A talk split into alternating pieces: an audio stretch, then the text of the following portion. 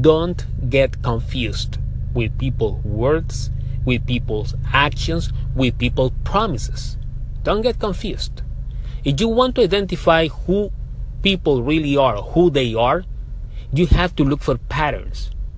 Yes, for patterns. If what is a pattern? Pattern is a consistent and recurring characteristic trait or behavior that helps you identify a phenomenon, a problem, or to identify who is who.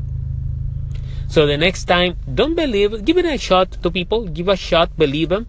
But if you want to trust in them, you have to look for their patterns, their behavior, their recurring, consistent behaviors. That's when you know who is who. Not because of their words or because of their actions, because of their patterns in behaviors and traits.